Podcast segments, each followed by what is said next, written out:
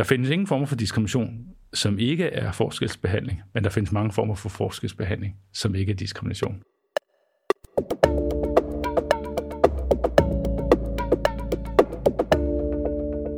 Du lytter til Det Videnskabelige Kvarter, en podcast fra Aarhus BSS på Aarhus Universitet. Forskningsbaseret viden om erhverv og samfund, præsenteret på 15 minutter. Mit navn er Michael Skrøder.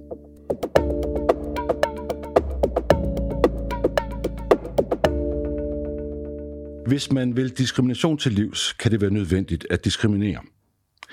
Det kan jo lyde som noget af et paradoks, men er ikke desto mindre en af konklusionerne, som min gæst i dag kommer frem til i sin nye bog med titlen Making Sense of Affirmative Actions.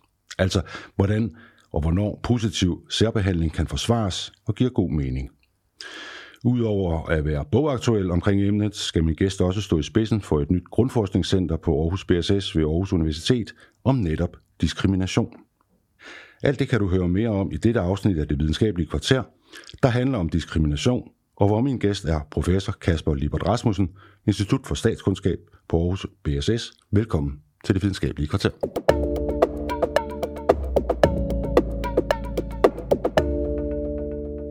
Allerførst, Kasper Libert Rasmussen, hvad er diskrimination set fra en historisk og forskningsmæssig synsvinkel? Det er jo altid sådan med, med ting, at det er svært at pege på sådan en entydig begyndelse historisk. Men den diskussion som, omkring diskrimination, som vi i Danmark er mest øh, bekendt med, har nok taget sin start i, med den amerikanske borgerrettighedsbevægelse i 60'erne. Og da den startede, der lå fokus meget på øh, dels øh, afroamerikaneres situation i det amerikanske samfund, var afroamerikanere på det tidspunkt, og nogen vil sige i udstrækning stadigvæk, var udsat for en masse forskellige racistiske opfattelser. Og den anden gruppe, der ligesom var i fokus i den amerikanske borgerrettighedsbevægelse, var kvinder, hvor man kan sige, at vi også i 60'erne så, at øh, folk øh, åbenlyst tilsluttede sig en masse sexistiske normer, som i dag bliver betragtet som langt mere problematiske. Hvis man så skal se på den øh, udvikling, der er sket siden debatten i 60'erne, hvor fokus ligesom lå på en person, der diskriminerer, fordi personen har racistiske eller sexistiske holdninger. For eksempel, at vedkommende simpelthen ikke bryder sig om folk af en anden race eller noget af den stil. Så kan man ligesom pege på øh, tre hovedudviklinger. Og den første, det er en udvikling, hvor man ligesom er gået fra at fokusere meget på den her form for diskrimination, hvor den person, som diskriminerer, er fuldt ud bevidst omkring, at vedkommende diskriminerer, og gør det på baggrund af nogle ofte fjendtlige eller negative holdninger til et medlem af den gruppe, som vedkommende diskriminerer mod.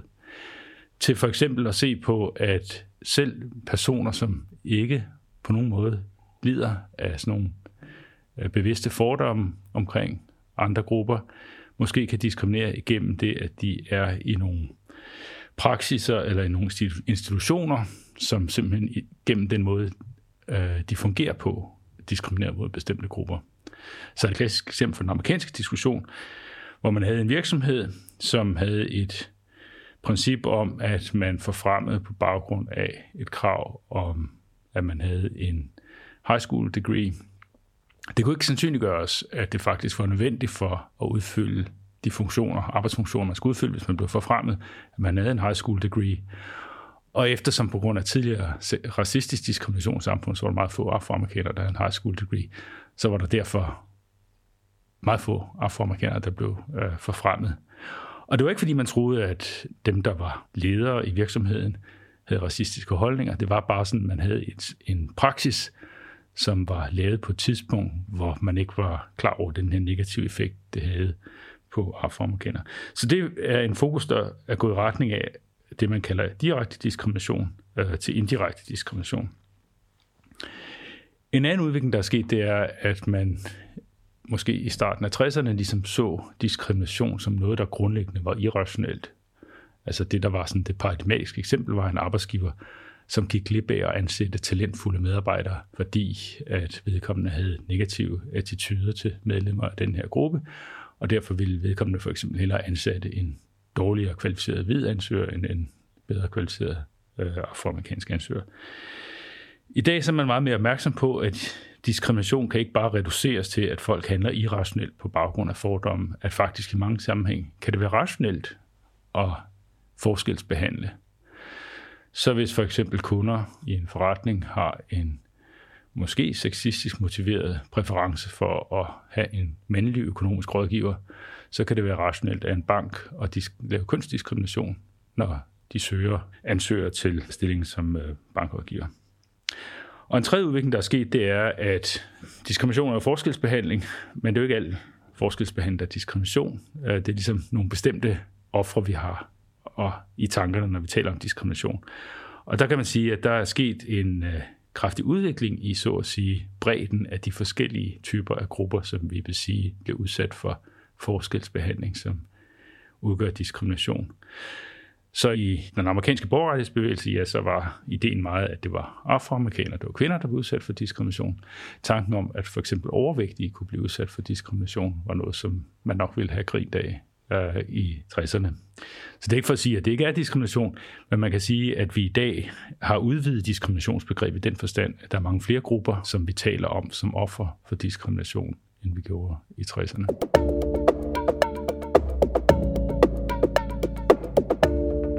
Så diskrimination er i virkeligheden gået hen og blevet et meget, meget, meget bredt begreb fra at have været måske øh, øh snøglet ind til, til nogle få emner, så er det blevet et meget bredt begreb, både emnemæssigt, men også i forhold til, hvordan man forstår øh, begrebet. Noget af det, som jeg øh, har lagt mærke til som, som, som noget af det nye, man snakker om, øh, aldersdiskrimination. Øh, hvordan, kan man, hvordan skal man forstå det? Jamen, øh, aldersdiskrimination er en meget interessant form for diskrimination. Ja, det, det kan jeg sige, fordi nu er jeg ved at bevæge mig ind i den alder, hvor jeg har prøvet alle former for aldersdiskrimination, kan man sige. Fordi der findes former for aldersdiskrimination, som retter sig mod unge mennesker. Nogle vil også sige, at der findes aldersdiskrimination mod børn. Øhm, så i en rent deskriptiv forstand kan man for eksempel sige, at det forhold, at 17-årige ikke har valgret, det kunne ses som en form for diskrimination, fordi det er klart, at de bliver forskelsbehandlet i forhold til ældre borgere, og mange 17-årige må siges at være politisk set bedre velbevandret end mange borgere over 18 år. Der kan også være diskrimination mod middelalderen, det er måske mindre oplagt, og så endelig så kan der være diskrimination mod ældre. Så det vil sige, at øh, så at sige, personer, uanset hvilken aldersgruppe de tilhører, kan blive udsat for diskrimination. Det, som så gør aldersdiskrimination særlig interessant, er, at til forskel fra mange andre former for diskrimination, så er det, hvis man er så heldig, at man når at blive gammel, en form for diskrimination, som alle bliver udsat for på et eller andet tidspunkt i deres liv. Og faktisk kan man sige, at i og med, at det er en god ting at dø gammel frem for at dø ung, så er aldersdiskrimination en ting, som man på sin vis skal være glad for, at man bliver udsat for, fordi det viser, at man har været heldigere end dem af ens medborgere, som døde, da de var yngre. Og det betyder, at en af de indvendinger, som er den, man som oftest hører mod diskrimination, nemlig at diskrimination er med til at fremme mulighedsuligheden. Den faktisk ikke taler for at stoppe aldersdiskrimination mod ældre, men snarere taler for at fortsætte med aldersdiskrimination mod ældre. Fordi ved at fortsætte aldersdiskrimination mod ældre, så reducerer man faktisk den mulighedsulighed, som er mellem individer i samfundet, i og med at der er nogle personer, der er godt stillet, som faktisk på den måde får dårlige muligheder, end de ellers ville have. Men er alt forskelsbehandling så lige med diskrimination? Øh, og hvis, hvis ikke det er, hvad, hvad så ikke diskrimination? Uh, nej, det, det, det er to rigtig uh, vigtige spørgsmål at stille, fordi som du sagde før, at diskrimination er gået hen og blevet meget bredt, uh, men det er klart, der er også så at sige, grænser for bredden. Så hvis vi forestiller os, at en person bliver idømt en straf for en forbrydelse, vedkommende har begået i retten, og vedkommende så anker med den begrundelse, at vedkommende bliver udsat for diskrimination, fordi vedkommende bliver behandlet dårligere end anklaget, som ikke er skyldige i den forbrydelse, de har begået. Så vil folk trække på smilbåndet og sige, at okay, det er rigtigt, den her person bliver udsat for forskelsbehandling, vedkommende bliver behandlet anderledes end en anden anklaget ville blive, hvis vedkommende ikke havde begået den her forbrydelse. Men det er ikke udtryk for diskrimination. Så der findes ingen former for diskrimination, som ikke er forskelsbehandling, men der findes mange former for forskelsbehandling, som ikke er diskrimination. Og så kan man så spørge, som du gør, hvornår er forskelsbehandling så diskrimination? Og der tror jeg, at man skal sige, at når folk taler om diskrimination, så bruger de ofte forskellige begreber. Så nogen vil for eksempel sige, at når de taler om diskrimination, så taler de om forskelsbehandling, som per definition er moralsk forkert. Så hvis man kan vise, at den her form for forskelsbehandling, jævnfør for eksempel eksemplet med at give forrang til yngre frem for ældre patienter, når vi fordeler organer, så hvis det er moralsk forsvarligt at gøre det, øh, så er det per definition ikke øh, diskrimination. Men der er også andre sammenhæng, hvor øh, vi bruger diskrimination på en måde, så at noget kan være diskrimination, selvom det ikke per definition er moralsk forkert. Så nogen vil sige, at hvis vi behandler individer, som er medlemmer af forskellige socialt fremtrædende grupper forskelligt, så er det diskrimination. Det vil så ofte være moralsk forkert, men der er nogle sammenhæng, hvor det ikke er moralsk forkert. Og en socialt fremtrædende gruppe, det vil her være en gruppe, hvor det, at man bliver opfattet som, at man er medlem af den her gruppe, det gør en stor forskel, hvordan folk interagerer med en i rigtig mange forskellige sociale sammenhænge. Så køn for eksempel er en socialt fremtrædende gruppe. Om du bliver opfattet som mand eller kvinde, eller noget helt tredje, det vil i rigtig mange sammenhænge gøre en stor forskel for, hvordan folk interagerer med dig. Om du bor i en kommune, øh, der starter, hvis navn starter med F, det er også en gruppe, men det er ikke en socialt fremtrædende gruppe, fordi der er stort set ingen sociale sammenhæng, hvor det gør nogen som helst forskel, om du bor en sådan, om du tilhører den gruppe eller ikke gør. Og det er også derfor, jeg vil sige, at en gruppe som skyldige forbrydere gør ikke nogen øh, socialt fremtrædende gruppe, fordi øh, de bliver ikke behandlet øh, systematisk anderledes i en bred vifte af social sammenhæng. Der er nogle grupper, fordi det her er jo et gradspørgsmål, øh, der er nogle grupper, hvor man kan sige, at det er måske mindre klart, om de egentlig udgør en socialt fremtrædende gruppe eller ej. Så ryger for eksempel, er ryger en socialt fremtrædende gruppe? Altså efterhånden som, at der kommer mere og mere stigma knyttet til det at være ryger, folk tager det, at man ryger som udtryk for, at der er en masse andre ting, der også er sand om en, at man mangler selvdisciplin osv., osv., så kan man måske gå hen og sige, at ryger begynder at blive en socialt fremtrædende gruppe på samme måde som kvinder, mænd, øh, sorte, hvide osv. Men der synes stadigvæk at være et stykke derhen, og det er måske også derfor, at ideen om, at ryger kan blive udsat for diskrimination, er langt mere problematisk eller kontroversiel i vores samfund, end ideen om, at kvinder eller sorte kan blive udsat for diskrimination.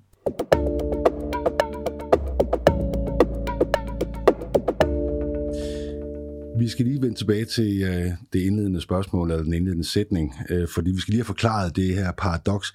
Hvornår kan det være nødvendigt at diskriminere for at komme diskrimination til livs? Altså man kan jo helt overordnet sige, at der findes mange sammenhænge, hvor for at komme et eller andet ubehageligt til livs, så er man gør, nødt til at gøre noget, som er ubehageligt. Så ja, man har lige frem et udtryk for det, at det, det, skal, det skal gå ondt, før det går, gør godt, eller noget i den stil. Og på tilsvarende måde, så er der jo også mange, der mener, at, at man skal ikke være pacifist, fordi uh, selvom man er mod krig, ja, så nogle gange så kan det være nødvendigt at føre en krig for at forhindre en endnu værre krig.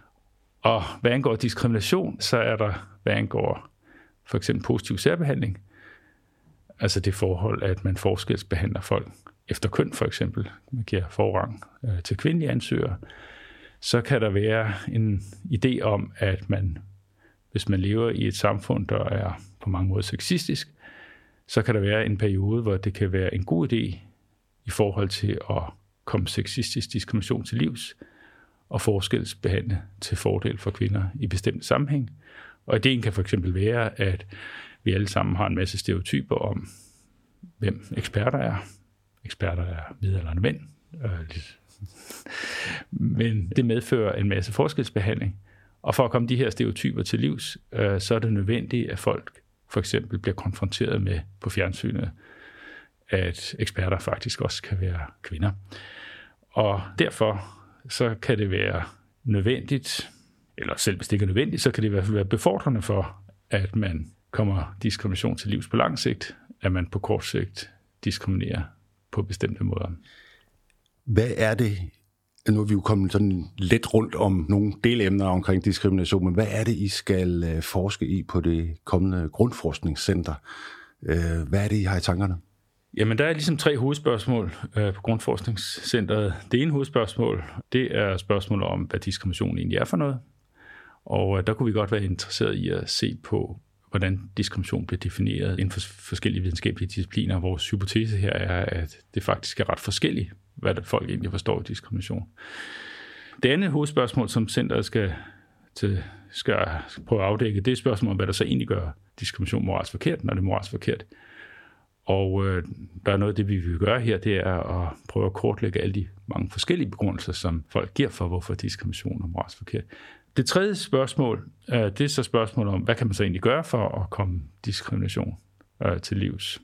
Og der vil vi især trække på nogle forskellige socialpsykologiske og politiske psykologiske eksperimenter i forhold til at afdække nogle af de psykologiske mekanismer, som ligger bag diskrimination. Og i den sammenhæng så vil vi også komme ind på ønskværdigheden af nogle af de her tiltag mod diskrimination eller effekterne af diskrimination, for eksempel positiv særbehandling.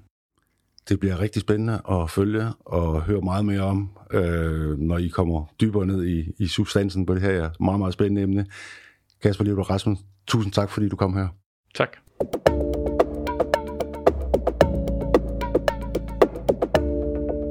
Du har lyttet til Det Videnskabelige Kvarter, en podcast fra Aarhus BSS på Aarhus Universitet.